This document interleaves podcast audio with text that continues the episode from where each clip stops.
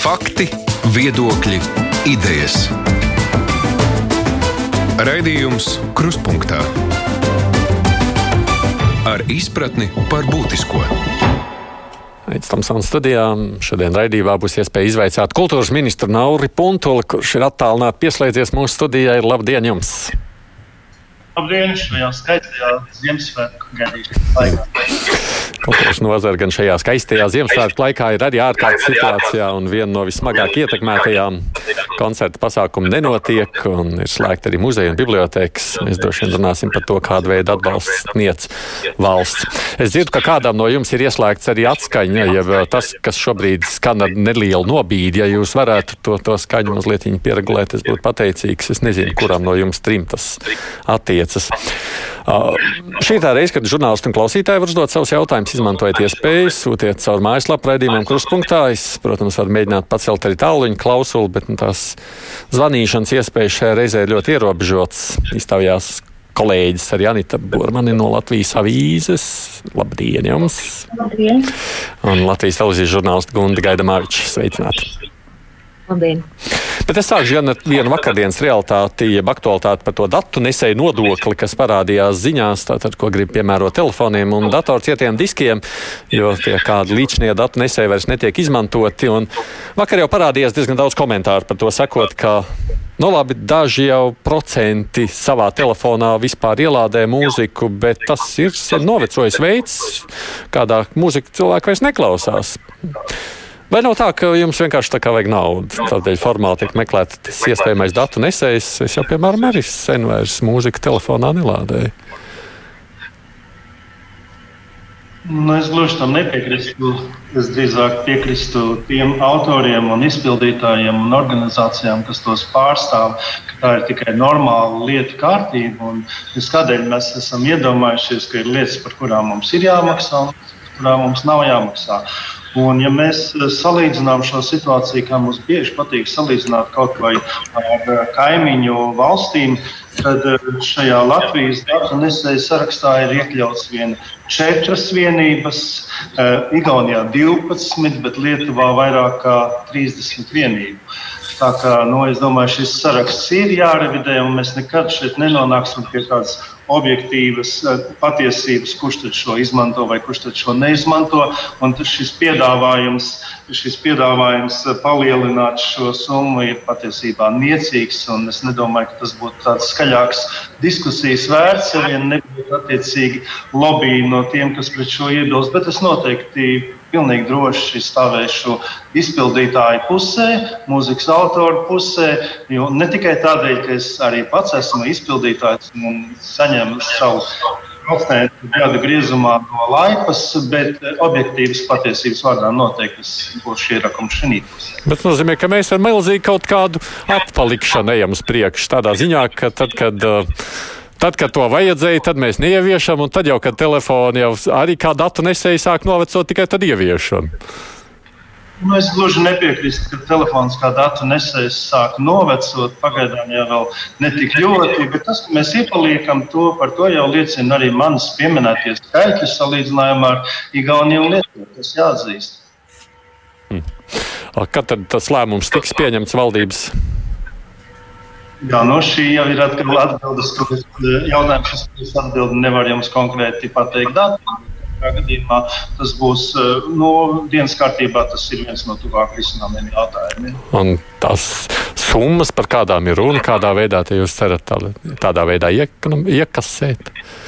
Nu, attiecībā par mobilo telefonu, pieņemsim, viens mobilais telefons sadārdzināties par pusotru eiro. Es nedomāju, ka telefonu, procentuāli telefonu, kurš maksā 6 vai 700, šis pusotra eiro būtu tik ļoti noteicošs, lai mēs patiešām par, par to šobrīd diskutētu un aktuāli diskutētu un strīdētos piedāvājumā. Hmm. Nu, labi, kolēģis, jums ir iespēja uzdot savus jautājumus, kur no jums sāks. Nezinu. Nu? Anita, sāciet. Jā, labprāt. Uh, nākamgad Nākamgad atbalsts kultūrai pamatā pēc izskanējušās informācijas pamatā tiks sniegts pēc universāliem atbalsta mehānismiem. Ministra kungs, kas ir darīts, lai neatkārtotos iepriekšējā posma situācija, kad šis atbalsts kultūras cilvēkiem bija pieejams ļoti skopā apjomā?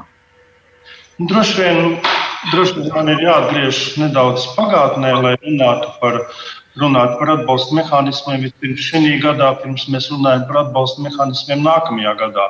Tātad šie pirmie atbalsta mehānismi, dīkstāls pabalsts, kas bija universāli, uh, universāli pabalsti, patiešām, patiešām nebija efektīgi, efektīvi, un tie mums pierādīja, jeb atklāja daudzas ēnas puses, kuras mēs it kā zinājām, bet tāpat laikā nebijām pietiekoši daudz uzmanības tam pievērsuši. Šie pirmie pavasara dīkstāvs pabalsti mums patiešām šīs problēmas izgaismoja.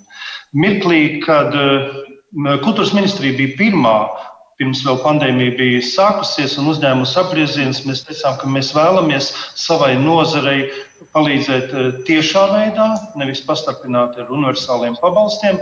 Taču šo mūsu piedāvājumu ministra kabinets noraidīja, un mēs atgriezāmies pie šiem universāliem pabalstiem, no kuriem bija šis dīkstāvs pabalsts, kur, kā jau es minēju, kurš atklāja vairāk ēnas puses nekā, nekā labumu. Mirklī, kad šis pats dīkstāvs pabalsts beidzās, mēs jau kultūras ministrija bijām izstrādājuši savu sistēmu, kā mēs vēlamies atbalstīt savu nozari nozari. Šim mērķim arī panācām valdībā 32 eh, miljonu finansējumu, no kuriem vairāk kā 20 miljoni tika plānoti un izlietot šim gadam. Tomēr šobrīd ministra kungs joprojām notīna, iznāk atgriešanās pie tām iepriekšējām kļūdām. Tā nebūtu kaut kādā mērā. Ne, ne. Ja jau tie universālie līdzekļi. Atļaujiet man, atļaujiet man pabeigt līdz galam. Tātad eh, šos pabalstus varētu uh, sadalīt nosacīti trīs pabalstu veidos. Viens bija pabalsts tātad valsts institūcijām, mūsu kultūras valsts institūcijām, par kurām mums ir tieša atbildība. Otrs bija pabalsts privātām kultūras institūcijām, un trešais pabalsts bija privātām kultūras personām, jeb pašnodarbinātām personām. Šīs pabalsts pašnodarbinātām personām atšķīrās no šī dīkstāvs pabalsta. Tas nebija vienkārši kā dīkstāvs pabalsts, bet mēs jau savā principā, ka šī laikā kultūras nozarei ir aizliegts rādīt, mēs izveidojām savu devīzi no rādīt uz radīt. Un šis pabalsts privātu privāt personām bija tieši ar mērķi radīt nodrošināt tos elementāros apstākļus, lai šīs privātas personas varētu radīt. Jā, ministra kungs, bet runa ir par pagājušo gadu šai gadījumā. Kādi tad ir eh, tie, tie atbalsta momenti, kuri varētu cilvēkiem dot cerību, ka nākamajā gadā viņi šim atbalstam, katrs pašnodarbinātais, eh, šo atbalstu varēs iegūt daudz vienkāršākā veidā un, un daudz drošākā. Nu, ar garantiju tā teikt, ka neaizies eh, bojā. Jā, es vienkārši vēlējos to izstāstīt secīgi. Tātad, tātad, pārskatot visus šos pabalstu mehānismus, kultūras ministrija secināja, ka atbalsta mehānisms privātām kultūras institūcijām neatbilst tam, kā mēs vēlētos atbalstīt savas privātās kultūras institūcijas. Šis universālais pabalsts no ekonomikas ministrijas neskar tiešā veidā tās kultūras institūcijas, kuras mēs vēlamies atbalstīt. Mēs vērsāmies finanšu ministra darba grupā, izskaidrojām šo situāciju ar konkrētiem piemēriem, ar konkrētiem skaidriem. Ja runa par nākamo gadu, ministra kungs, piedodiet, ka es jūs pārtraucu, bet par nākamo gadu. Mēs vērsāmies finanšu ministrijas darba grupā ar konkrētiem skaitļiem, konkrēti piedāvājumu par nākamo gadu, šīm privātajām kultūras institūcijām. Un Finanšu ministrijas darba grupa mums uzklausīja, ņēmos vērā, un šim mērķim vienojāmies, ka tiks piešķirt papildus 3 miljoni. 3 miljoni eiro privātām kultūras institūcijām, programmai, kas nebūs vairs šī universālā, universālā programma, bet būs programma kultūras ministrijas pakļautībā eh, eh, tātad, un administrēšanā, un 3 miljoni tiks tiks eh, konkursu kārtībā sadalīts eh, privātām kultūras institūcijām līdz nākamajam. Jautājums. Nodarbinātie ministru kungs tie, viņiem divi tādas pabalsti tikai. Jā, jautājumā par pašnodarbinātām personām. Šobrīd ekonomikas ministrijas valdības piedāvātā programma ietver arī pašnodarbinātās personas.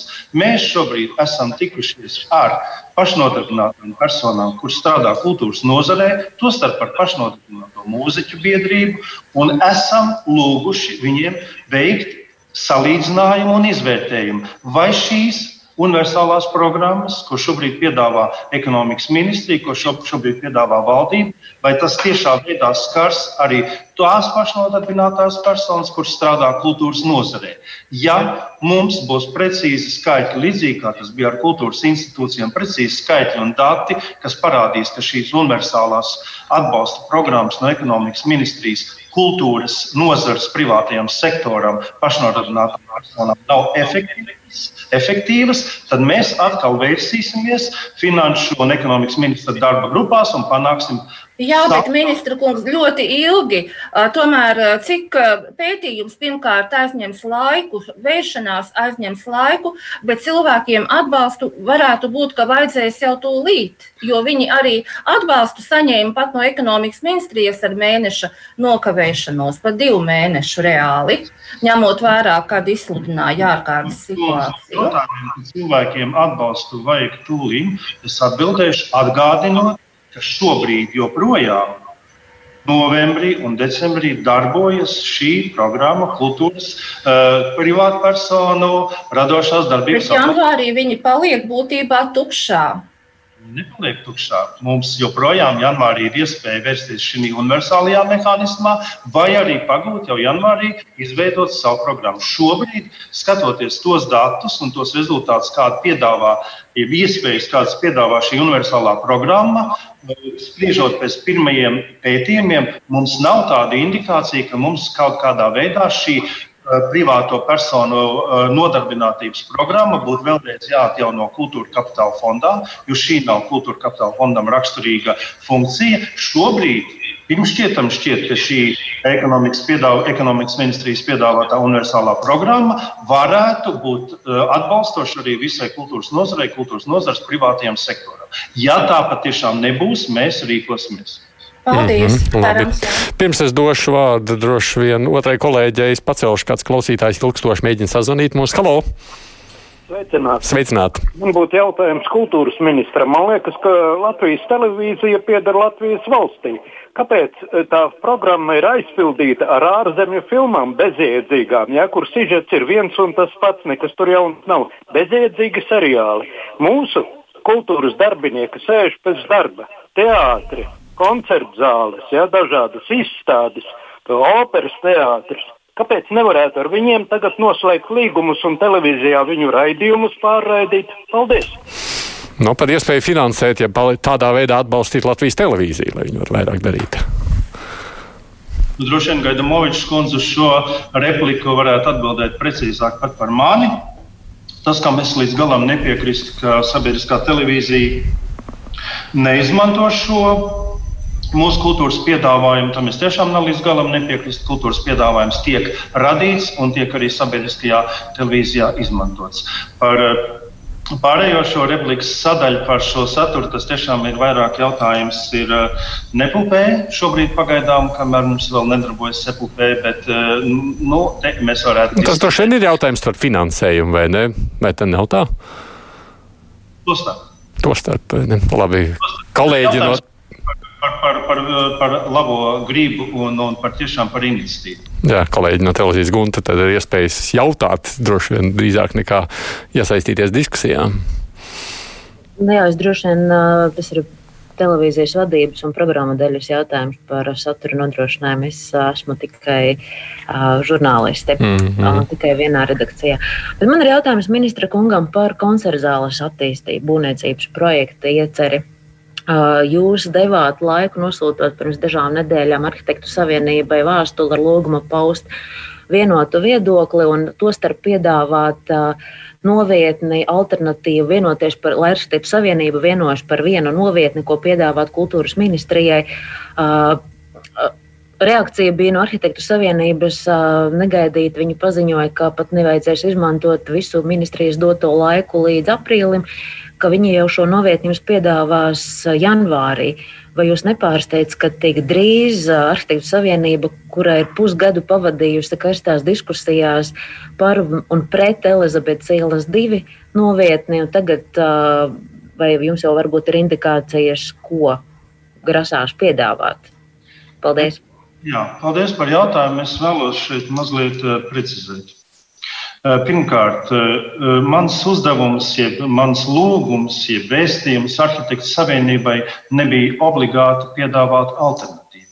Kā jau es minēju, es ļoti ceru, ka arhitektu savienības piedāvājums būs iela 2. Bet es pieļāvu arī, ka tā var būt alternatīva, kāds cits risinājums, kas nav iela 2. Taču jautājumā par šo termiņu, janvāra sākums, šeit ir maza neprecizitāte. Arhitektu savienība varbūt bija neprecīzi izteikusies. Viņi nepiedāvās jau gatavu vietu un gatavu atbildu uz šo jautājumu. Arhitektu savienība janvāra sākumā nāks un parādīs gatavu ceļa karti, kā viņi šo rezultātu sasniegs tas nebūtu iespējams janvāra sākumā, ja viņiem paziņot, paziņot eh, kādu konkrētu novietni. Tas būtu vienkārši utopiski mazliet. Nu, par šo gan jāsaka, te arī klausītāji kādi izsakās gan pār, gan pret, kā vienmēr Biržnieces kundze saka tā, ka ir jau bijuši pārāk daudz tās apspriešanas, kas vājina enerģiju, un tas taču laikam kādi interesēs. Bieži vien šķelt un iznīcināt ir vieglāk nekā kaut ko darīt. Būsim saprātīgi, neaizmirsīsim, ka burts spēj nogalināt dvēseli, tāpēc liels paldies ministram par stāju un nelēkamību neatsakoties no sava mērķa. Gunts saka droši tālāk. Ja par īpašumiem un, un būvēm un ēkām, tad man vēl ir jautājums par stūrmāju. Jūsu vadītā partija ministra kungs apturēja nekustamā īpašuma organizētās izsoles procesu šoruden ēkai tagad visai ir vēsturiska notikuma vietas status. Vai ir plāns, ko tad ar šo stūrmā iesākt? Jo kultūras ministrija jau pirms vairākiem gadiem teica, ka tā nevar apsaimniekot un uzņemties tai, principā, visa šī ēka nav vajadzīga, jo pietiek ar okupācijas muzeja aizņemto daļu pagrabā un pirmajā stāvā izstāžu zālē un ekspozīcijas aplūkošanai. Um, tagad vai tad partijai ir plāns, ko darīt ar šo stūrmāju, milzīgu ēku. Tur, ja nemaldos, bija 8000 kvadrātmetru. Jā, paldies par šo jautājumu. Ātrā un īsā atbilde būs, tu, mēs mēģināsim vēlreiz. Skaidrs, ka ne Elizabetes iela divi, ne arī šī stūrmāja nav vienīgās ēkas, kuras šobrīd stāv tukšas kuras apsaimniekot ir izdevumi. Valsts nekustamo īpašumu rīcībā valstī ir vairāk nekā simts šādu ēku. Dažām no tām ir pieminiekļa status, dažām nav, taču situācija joprojām ir tāda, kā ir. Jautājums par stūra māju ir vairāk kārt jau mēģināts risināt. Un tas, ko es teicu, mēs mēģināsim vēlreiz. Tas mūsu mērķis ir nepazaudēt šo vēsturisko nozīmi šai ēkai, vēsturisko nozīmi, es domāju, mūsu visas nācijas kontekstā, kāda mūsu ieskatā varētu, kā tas varētu notikt mūsu ieskatā, ja šī māja tiktu nodota izsolē, kā tas bija paredzēts, un to iegūt kāds privāti investors un līdz šim varbūt vēl nenoskārstai vajadzībai vai funkcijai. Mēs patiešām bažījāmies, ka šīs vēsturiskās ēkas, šī saturiskā vērtība nācijas acīs varētu mazināties, un mēs nospriedām, mēs mēģināsim vēlreiz šo jautājumu atrisināt.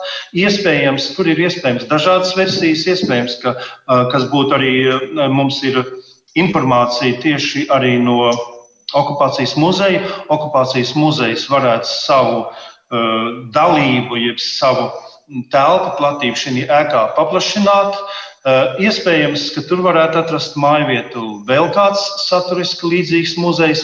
Iespējams, ka šī ēka varētu būt uh, ēka, kurā pulcējas nevalstiskās organizācijas.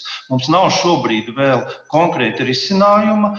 Kultūras ministrijai arī nav neviena konkrēta šobrīd risinājuma, jeb, jeb mērķa, atšķirībā piemēram, no Elizabetes ielas divi, kā mēs redzam, kā šī pārējā ēka varētu tikt izmantota. Šis šobrīd ir visas valdības kopīgs jautājums, un visa valdība ir politiski bijusi vienisprātis ar, šobrīd, ar šo viedokli, ka mēs nedrīkstētu šīs ēkas emocionālo vērtību pazaudēt, un mums būtu jāmēģina atrast risinājums. Labi, kla... arī droši vien. Jā. Es tālāk palūkošos, ko klausītāji raksta. Es par to atbalstu caur kultūra kapitāla fondu. Kristaps raksta, kāpēc tagad rudenī, kad jau no septembra reāli nevarēja vairs normāli darboties, piesakoties atbalstam, vērtēja tieši tos trīs mēnešus, kad varēja kaut cik ievilkt telpu. Tātad, ja tad sanāca kaut ko nopelnīt, tad tagad visu rudeni vairs nepienākas. Kāpēc citās valstīs skatās, ir kritums pret vidējo mēnešu par pēdējiem trīs gadiem? Nevis kā pie mums. Jā, es uh, mazliet droši vien, ka jautātājs arī ir no radošās vidas, un es mazliet šo jautājumu pārcelšu uz tādu nu, mana mūziķa skatījumu, jeb, jeb tādā salīdzinošā izteiksmē ielikšu mūzikas kontekstā.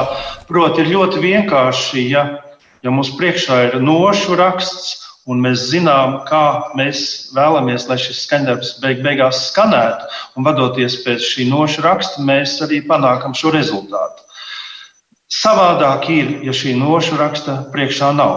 Un šobrīd visa valdība, mēs esam situācijā, kurā mums nav priekšā šī noša raksta, jo šī pieredze apkarojot šādu mēru pandēmiju nav nevienam Ne mūsu valstī, ne citās valstīs šādas pieredzes nav. Un šī brīdī, tad, iztrūkstot šim nošu rakstam, gribot vai negribot, mums ir jālieto tāda funkcija, kas saucas improvizācija. Un ja mūzikā kāds sāk improvizēt bez īpašas pieredzes improvizēt, un valsts pārvaldē, kā zināt, šādas pieredzes improvizēt nav pārāk daudz, tad pārējie viņi mazliet pieskata, lai viņš nepazaudētu tonalitāti, ja nepazaudētu, kā muzikā sauc šo kvadrātu. Taču vēl sarežģītāka situācija tad, ja improvizēt ir spiesti pēkšņi visi kolektīvu dalībnieku. Un šobrīd mēs esam šādā situācijā, kur mums bieži lēmumi ir jāpieņem bez konkrēta nošraksta priekšā un ir jāimprovizē. Un ir pavisam cilvēciski saprotam, ka šādā situācijā tiek pieļautas kļūdas. Būtu diezgan utopiski domāts, ka, domāt un cerēt, ka nevienas kļūdas nebūs. Tā jūs teikt, ka Poli... trīs mēneši un trīs gadi varētu būt kļūda, kur vajag paimprovizēt citādi? Ne, es gribēju teikt, ka ir daudzi faktori, kuri liedz salīdzināt eh, šos trīs mēnešus un uh, un faktori, kuri pēc jēgpilni būtu salīdzināti ar iepriekšējo gadu, ar 19. gadu. Taču ir daudz faktoru, kuri liedz to darīt. Tāpat laikā ir, ir iespējas tomēr nu, kvalificēties pēc pabalsta tiem, kuriem ir klājies visgrūtāk, un tas ir demokrātisks valsts pamatprincips - atbalstīt tos, kuriem klājas visgrūtāk. Šādu iespējas joprojām saskat šīs mehānismos. Okay. Anita, droši vien, ka jums iespēja tālāk jautāt. Jā, es gribētu jautāt šādu lietu. Um, dziesmu svētku organizatori un uh, diriģenti jau kopš, pērnā, jau kopš šā rudens ceļa trauksmi, kā krīzē turpinoties, mūsu identitātei tik svarīgais dziesmu svētku process ir apdraudēts. Uh, un uh, ministra kungs man iepriekšējā intervijā, uh, tas bija jūnijā, teica tā, Tātad citēju, nu nebūs tā, ka mūsu plašā amatieru māksla izbeigsies dažos mēnešos tikai krīzes dēļ tajā pašā laikā nu, ir novērojams, eh, ir tādi, nu, cik tie ir, teiksim, tā reāli signāli, ka pašvaldības tomēr mēdz arī vairāk nemaksāt māksliniecisko kolektīvu vadītājiem. Vai arī nu, šād, šādā vai savādākā veidā izvairās no šāda atbalsta sniegšanas. Tā es gribētu jautāt, tad, cik ministrijai ir plašs priekšstats par šo problēmu šobrīd, par tās attīstību un par to, ko varētu tajā lietā darīt turpmāk. Vai varētu būt runa par izmaiņām, varbūt pašvaldību likumā vai, vai vēl kaut kā, vai dziesmu svētku likumā, lai paplašinātu šo atbildību, vai valsts vairāk dotu atbalstu pašvaldībām šajos jautājumos? Jā, paldies par jautājumu. Dziesmu svētku process ir Nacionālā kultūras centra pāraudzībā. Nacionālo kultūras centra vada Signa Pujāte. Cilvēks, kurš bauda absolūti manu uzticību, un cilvēks, kurš ir pierādījis sevi, pierādījis sevi, tiešā, sevi tiešā darbībā, kas attiecas uz uz to problēmu, ko jūs minējāt, jā, tā patiešām ir problēma. Jo uh, Pārnesot šo mazliet tautas valodā, mēs lieliski zinām, ka ir izteiciens, kurš maksā, tas pasūta mūziku. Un šobrīd maksātājs ir pašvaldība. Un mēs labprāt, labprāt turpinot šo folkloru, teikt, mēs labprāt pasūtītu mūziku, taču mūsu iespējas šī ziņā ir zināmā mērā ierobežotas. Tādēļ mēs skatāmies, kā šo problēmu atrisināt trīs likumu ietvaros. Iespējams, tas ir likums par pašvaldībām, iespējams, tas ir dziesmu svētku likums, iespējams, Tas, tas ir kultūras centra likums, kurš šobrīd ir tapšanas stadijā. Jebkurā gadījumā mēs esam ļoti ciešā kontaktā ar cilvēkiem, kuri uzrauga šo dziesmu svētku procesu, ar cilvēkiem, kuri tajā cieši ir iesaistīti un par to ir atbildīgi. Mēs esam ciešā kontaktā arī ar pašvaldībām, un e, tūdaļ janvārī mums būs kārtējā nākamā tikšanās jau ar pašvaldību savienību, lai runātu arī par šo jautājumu. Taču es nepiekrīstu jūsu pesimismam, ka šis dziesmu svētku process varētu nogalināt nogalināt. Tas nav iespējams. Dziesmu svētku procesu, manuprāt, nogalināt. Es nezinu, kam ir jānotiek, lai nogalinātu dziesmu svētku procesu. To, ir, to esam pierādījuši mēs šeit uz vietas Latvijā. To ir pierādījusi mūsu pirmā trimda, to ir pierādījusi mūsu šis otrais diasporas vilnis. Nē, tas ir mūsos tik dziļi iekšā, ka tāds globāls briesmas tam nedraud, un pandēmija noteikti nebūs tas iemesls. Es saprotu, Gunte, grib par to pašu turpināt. Jā? Jā, es par to pašu. Cik uh, lielas ir iespējas, ka uz nākamā vasaru pārcelties skolēnu un dziesmu un dēļu svētki notiek? Paldies par jautājumu. Es droši vien nevarēšu jums mm, atbildēt ļoti precīzi. Tas droši vien būtu izglītības ministrijas jautājums, lai mēs nenonākam pretrunās. Droši vien, ka izglītības ministrija būtu pirmā, kurai, kurai būtu jāatbild uz šo jautājumu. Mm, labi. Es atgādinu tikai, ka mums iespēja šobrīd iztaujāt kultūras ministru Nauru Puntuli. Ir divas kolēģis, kas arī iesaistījušās attālināt iztaujāšanā Anita Bormana no Latvijas avīzes un Gunta Gaida Maviča no Latvijas televīzijas. Nu, klausītāji arī ar saviem jautājumiem var nākt klāt. Raidījums Krustpunktā. Es pacelšu arī klausuli. Halo! Jā, labdien. labdien. Būs jautājums kultūras ministram, un cik dīvaini tas varbūt skanētu, bet viņa Atbildē varbūt varētu palīdzēt arī samazināt ģimenes vardarbību. Jo skatieties, katram taču cilvēkam ir eh, iespējas un arī ir tiesības uz savu kultūrālo avotu, kur, kur viņš var pavadīt laiku. Šobrīd virtuāli, protams, jā, ar austiņiem un ar, ar to uh, smartu rokas, jā, bet parasti notiek tā, ja ģimenē, piemēram, nu, trīs cilvēki ģimenē, jā, tur divi vecāki un viens bērns, un viņi dzīvo netik liela dzīvokli, un parasti ir kaut kāda autoritāte, varbūt tas ir tevs, varbūt māte, kura uzbūvē nabadzīgi. Nu, mēs šobrīd skatāmies, nezinu, teātrā izrādi pa televizoru. Bet varbūt tam pašam bērnam gribas uh, YouTube, nezinu, uh, gultā, pa, uh, nu, esot, skat, skatīties savus iemīļotākos blogerus. Vai, ja, ja ministrs pateiks, ka jā, cilvēkam ir fundamentālas tiesības uz savu kultūrālo avotu, un jo, ja to sadzirdēs tie paši vecāki, kuri mēģina uzbast tam nabagam bērnam savus balētus un pārējo, ja, taču tas nav tik slikti. Ne jau visi bērni sēž TikTokā. Ko es par to domājat? Paldies! Interesants jautājums jums. Jā, paldies! Es uz šo jautājumu varētu paskatīties no vairākām šķautnēm. No tā pirmā šķautne, ko kungs minēja par vardarbību ģimenē un par vardarbību vispār, Es ļoti saprotu to, ka sabiedrība kopumā ir nogurusi, nogurusi no šīs pandēmijas. Es ļoti saprotu, ka cilvēki var arī nogurt, varbūt viens no otra, atrodoties tik ilgi vienā pietiekami šaurā telpā vai vidē. Taču, jebkurā gadījumā, mēs esam joprojām cilvēki, un mums vajadzētu saglabāt tās cilvēciskās īpašības un šīm negācijām tikt pāri cieņpilni kā cilvēkiem. Un man patiešām dažkārt pārsteidz dažas sabiedrības reakcijas, jo, nu, nezinu, varbūt tīri personīgi tādēļ, ka man ir dzīvē nācies pārciest arī daudzus grūtākus laikus, un ne tikai man, es domāju, arī nu, varētu droši apgalvot, manas paudzes sabiedrības daļai ir nācies pārciest arī daudz grūtākus laikus, lai, lai tomēr šo nu, iecietību un empātiju sevī saglabātu. Kas attiecas uz jautājumu otro daļu par šo kultūru, tad es nonāku tādā duālā situācijā.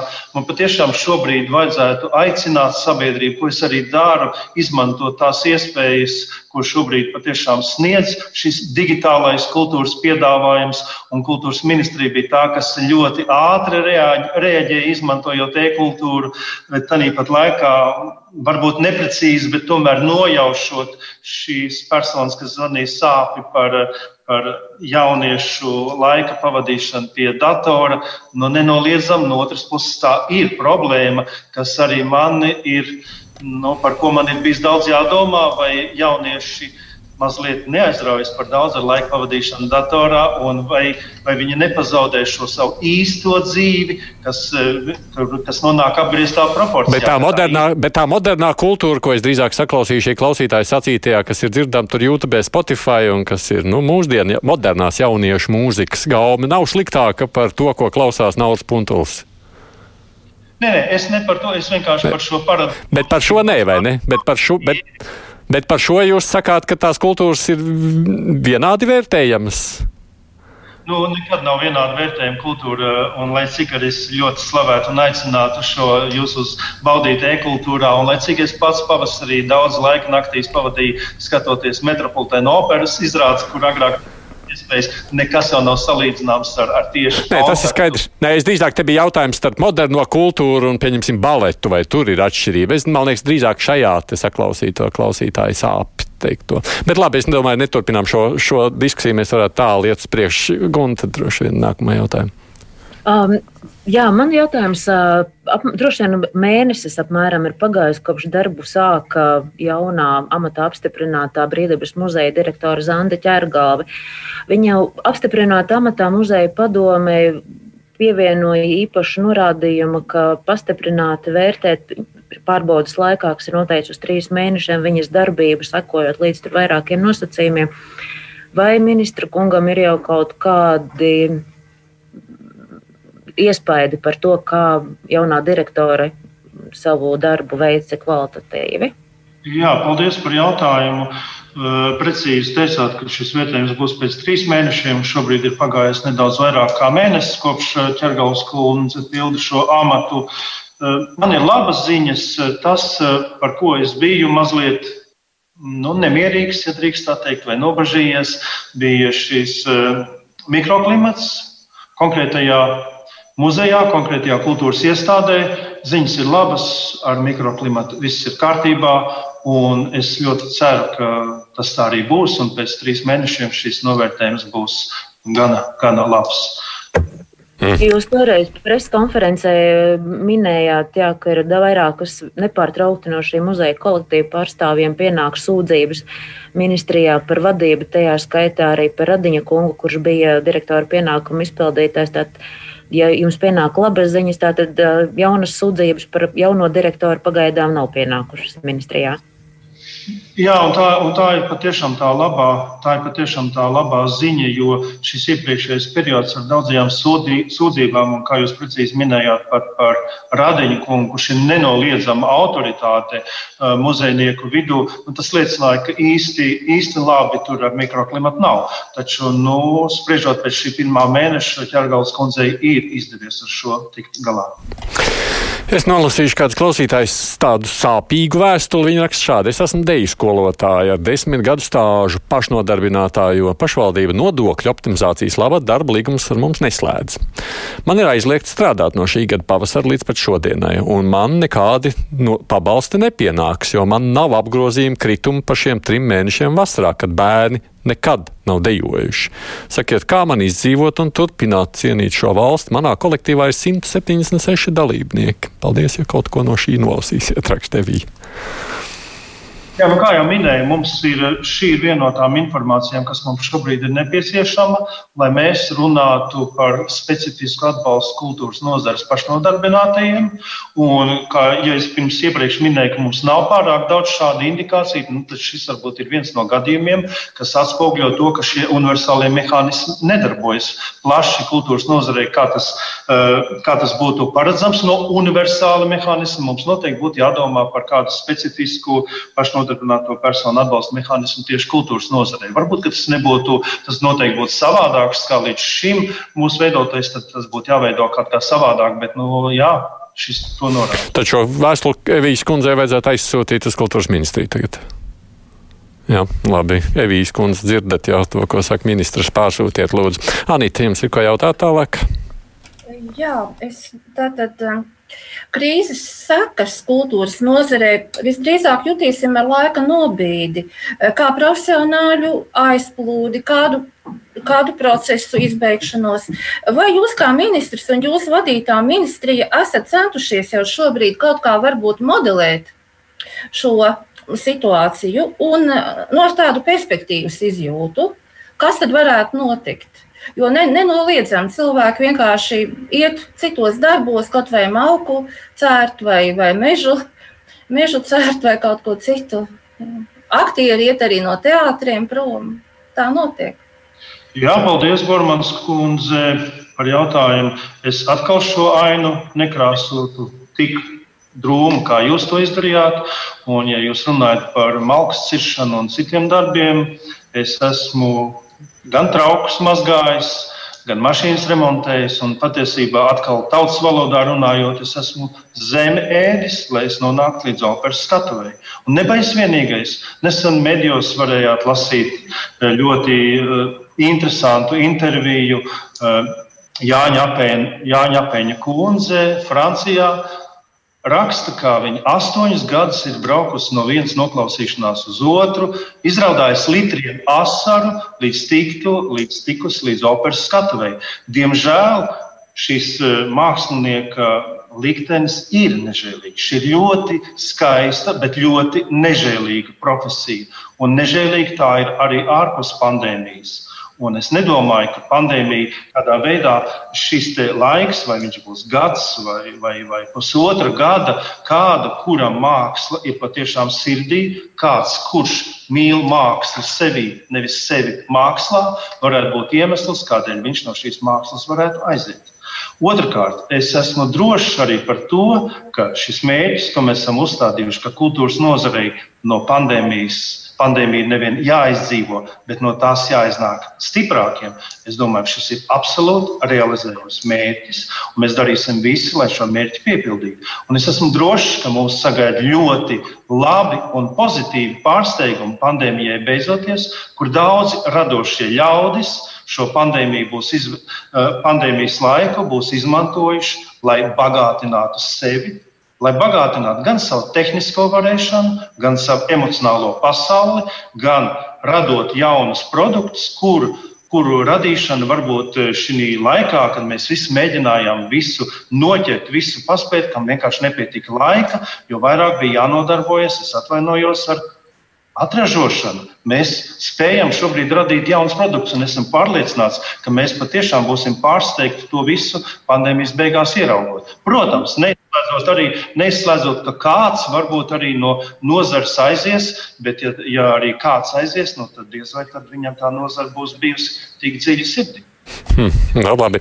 Es pateikšu, pacelšu klausuli, un tad varēs Gunta turpināt. Neizdevās, tā kā Gunta droši priekš. Jā. Jā, par autora atlīdzību saņēmējiem, kuriem mainās tagad nodokļu sloks no 1. janvāra. Uh, tā nebija kultūras ministrijas iniciatīva. Ir skaidrs, ka sociāli aizsargātiem šiem cilvēkiem arī ir jābūt un sociālajie nodokļi jāmaksā, tajā pašā laikā tas sociālo pakalpojumu grosis joprojām nebūs līdzvērtīgs darba ņēmējiem, ja autora atlīdzības saņēmējs nav arī kaut kur darba ņēmējs kādā citā vietā papildus uz puslodzi vai ceturdaļas lodzi, tad joprojām slimības lapa no 11. dienas nav pabalsta bezdarba gadījumā un nav arī atvaļinājuma. Jā, Lūk, vai ministrija ir kaut kādā vēl, nu, es nezinu, ir kaut kāds plāns, ko darīt, lai šo situāciju atrisinātu, uzlabotu, vai tur pagaidām nav iespējams kustināt šo jautājumu? Jā, paldies. Šim jautājumam atkal ir ļoti, ļoti daudz sadaļu. Pirmkārt, labošu jūsu mazu neprecizitāti. Izmaiņas autora atlīdzībās nestājas spēkā no 1. janvāra, bet gan no 1. jūlija. Tātad, un tas, uz ko es joprojām optimistiski ceru, ka 1. jūlijas būs mirklis, kad visi šie pandēmijas ierobežojumi būs mums aiz muguras.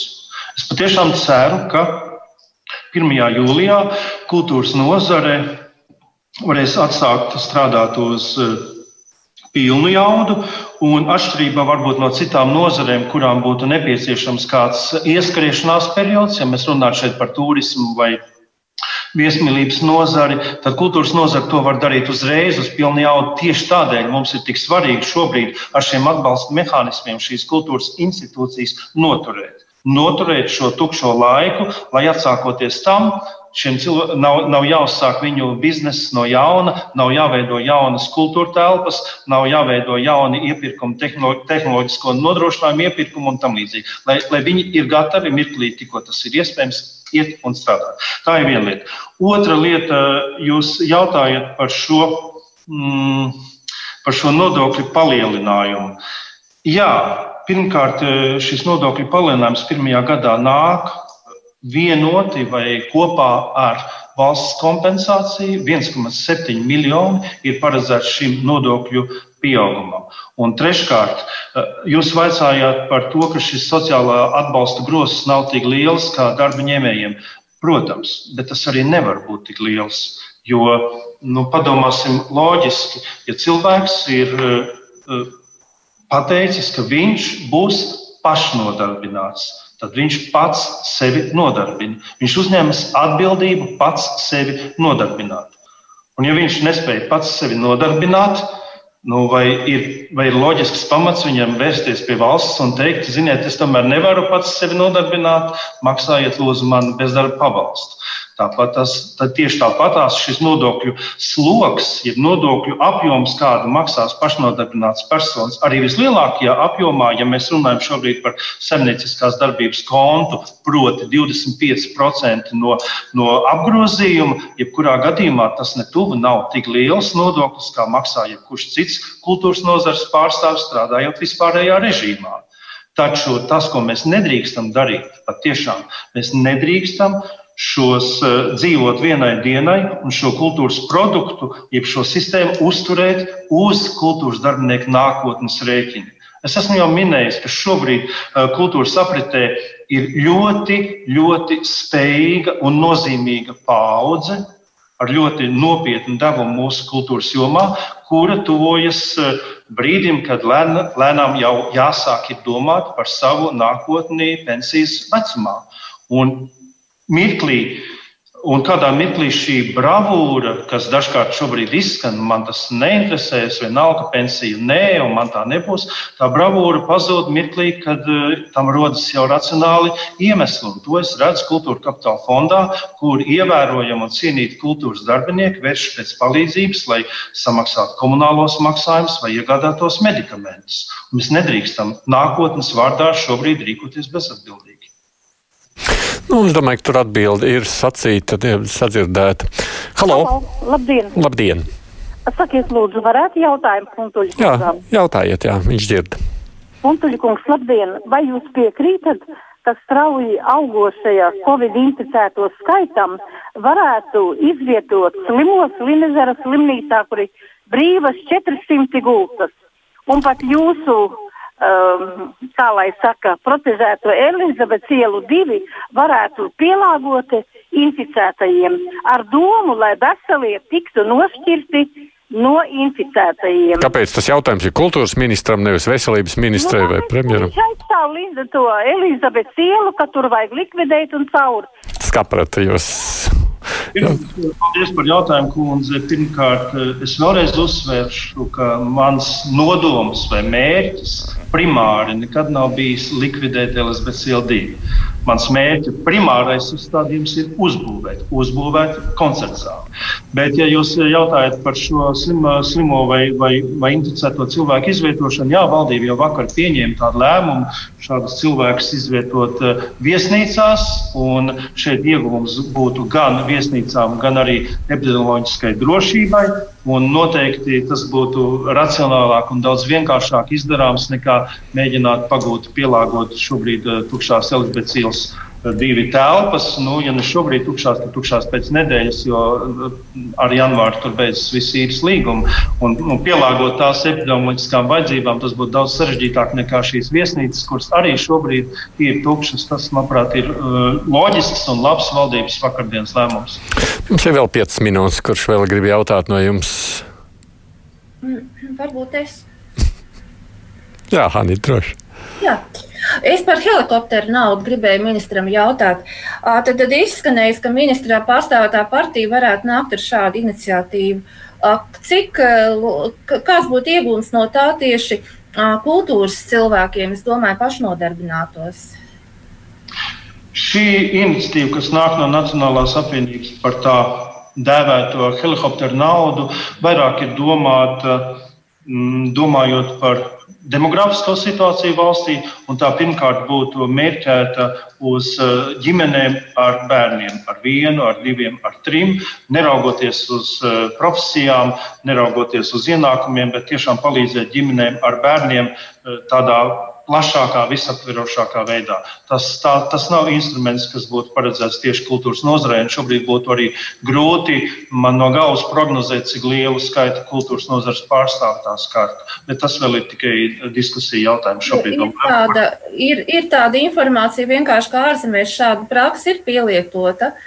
Nu, tieši attiecīgi pa nozarēm šī helikoptera nauda tiek nu, dalīta pēc šādiem kritērijiem.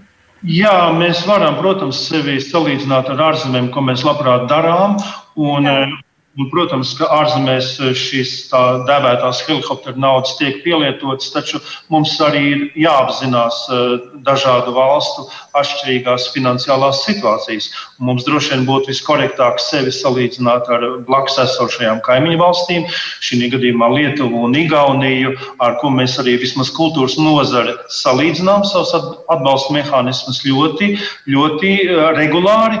Un šobrīd var teikt, ka ja mēs bieži vien daudz kur iepazīt, iepaliekam no Igaunijas, kas mums tā kā nācijai mazliet grauž, tad šī gadījumā mēs noteikti neiepaliekam, jo atbalsts kultūras nozarei Lietuvā, Latvijā un Igaunijā ir ļoti, ļoti līdzīgs. Teju, teju ap tiem 20 miljoniem arī viss. Mm -hmm. Nu, jāpiebilst, lai klausītāji saprot, šis nav stāsts par aviāciju.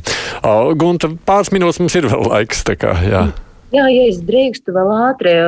Kultūras ministrija kopā ar nekustamiem īpašumiem ir izveidojusi ir plāns, kā modernizēt Nacionālo arhīvu īpašumā esošās ēkas, apsaimniekotās, apdzīvotās 22 ēku vietā, modernizējot astoņas, kas ietaupītu būtiski pēc tam visus resursus un arhīvu glabāšanu. Tā skaitā tur ir vajadzīgi 80 miljoni gan drīz, vai ir plāns, kad un no kādiem līdzekļiem mēs šos 80 miljonus meklējam, un vai ir droši, ka būs. Paldies! Jā, kultūras ministrija nāca klajā ar šādu informatīvo ziņojumu valdībā 1. decembrī, un līdzīgi ir darījuši arī citas nozares, kā piemēram pavisam nesen nāca Ģeģenkungs ar līdzīgu situāciju par ugunsdzēsēju depo. Eh, protams, mēs neatrisināsim visu vienā mirklī, un mums nebūs rīt uz pusdienu laika 80 miljoni, lai mēs atrisinātu visu, arhi, eh, visu arhīvu situāciju, taču mēs vienkārši nodemonstrējam, cik tas mums ir ļoti nozīmīgi, kas ir šīs problēmas un kuras no tām varbūt būtu prioritāras un meklēsim šim risinājumam. Protams, ka viens no risinājumiem ir, ir uh, Eiropas Savienības uh, finansēšanas mehānismi. Hmm. No. Ir tā, ka mēs patiešām šo problēmu, uh, problēmas risinājumu saredzam tieši kā šobrīd arī uh, virziens ir pareizs tieši konsolidācijā. Hmm. Anna tā kā uzprasa, saka, bet vai jūs jau apsveicāt šodienas jubilāru Reizīju Kalniņu? Vēl neesmu pagūs. Jums ir iespēja tā, to izdarīt publiski. Edija, es no sirds sveicu tevi. Jā, nu, un savukārt vēl pabeidzot tomēr par šiem te pašnodarbinātajiem Mājas kundze, Lasmans kundze vērš uzmanību tam, ka Rīgas pašvaldība savus interešu pulciņu vadītājs, kas bija vienalga mākslas studijas, kora, deja un tam līdzīgi piespieda kļūt par pašnodarbinātajiem. Un tāpēc viņi tā ir nonākuši tajā situācijā, kur viņi paši nebūtu izvēlējušies. Viņi saka, viņi nevar par citām pašvaldībām komentēt, bet aicina tieši no šāda aspekta pievērst uzmanību Rīgai. Jā, paldies, bet eh, šis jautājums nebūtu nav tik vienkāršs, kā mēs to šobrīd mēģinām traktēt, ka visi ir piespiesti kļūt par pašnodarbinātajiem. Mēs ļoti labi zinām, ka joprojām liela daļa kultūras nozara strādā dažādos nodokļu maksāšanas režīmos. Liela daļa no, no pašnodarbinātajiem, reģistrētiem kā pašnodarbinātie, kādā arī vispārējā nodokļu režīmā, vai, vai mūzikas akadēmijā, vai kādā no valsts kolektīviem, vai, vai vēl kur. Tas nav tik vienkārši. Tā reģistrēšanās kā pašnodarbinātām personām ir tikai viens no punktiem. Paldies jums, kolēģi! Paldies arī kultūras ministram, ka atradāt laiku, lai varētu šajā stundā mums atbildēt uz jautājumiem. Kultūras ministrs Naurs Puntuls no ministrijas. Paldies jums! Sanita Borman no Latvijas avīzes bija pieslēgusies. Un savukārt Latvijas televīzijas žurnālisti Kunta Gaida Māviča, vien no Zaķu salas. Paldies jums par šo sarunu. Producenta kruspunktā ir Evija Unām un studijā šodien raidījumu vadīju es, Aidis Tomsons.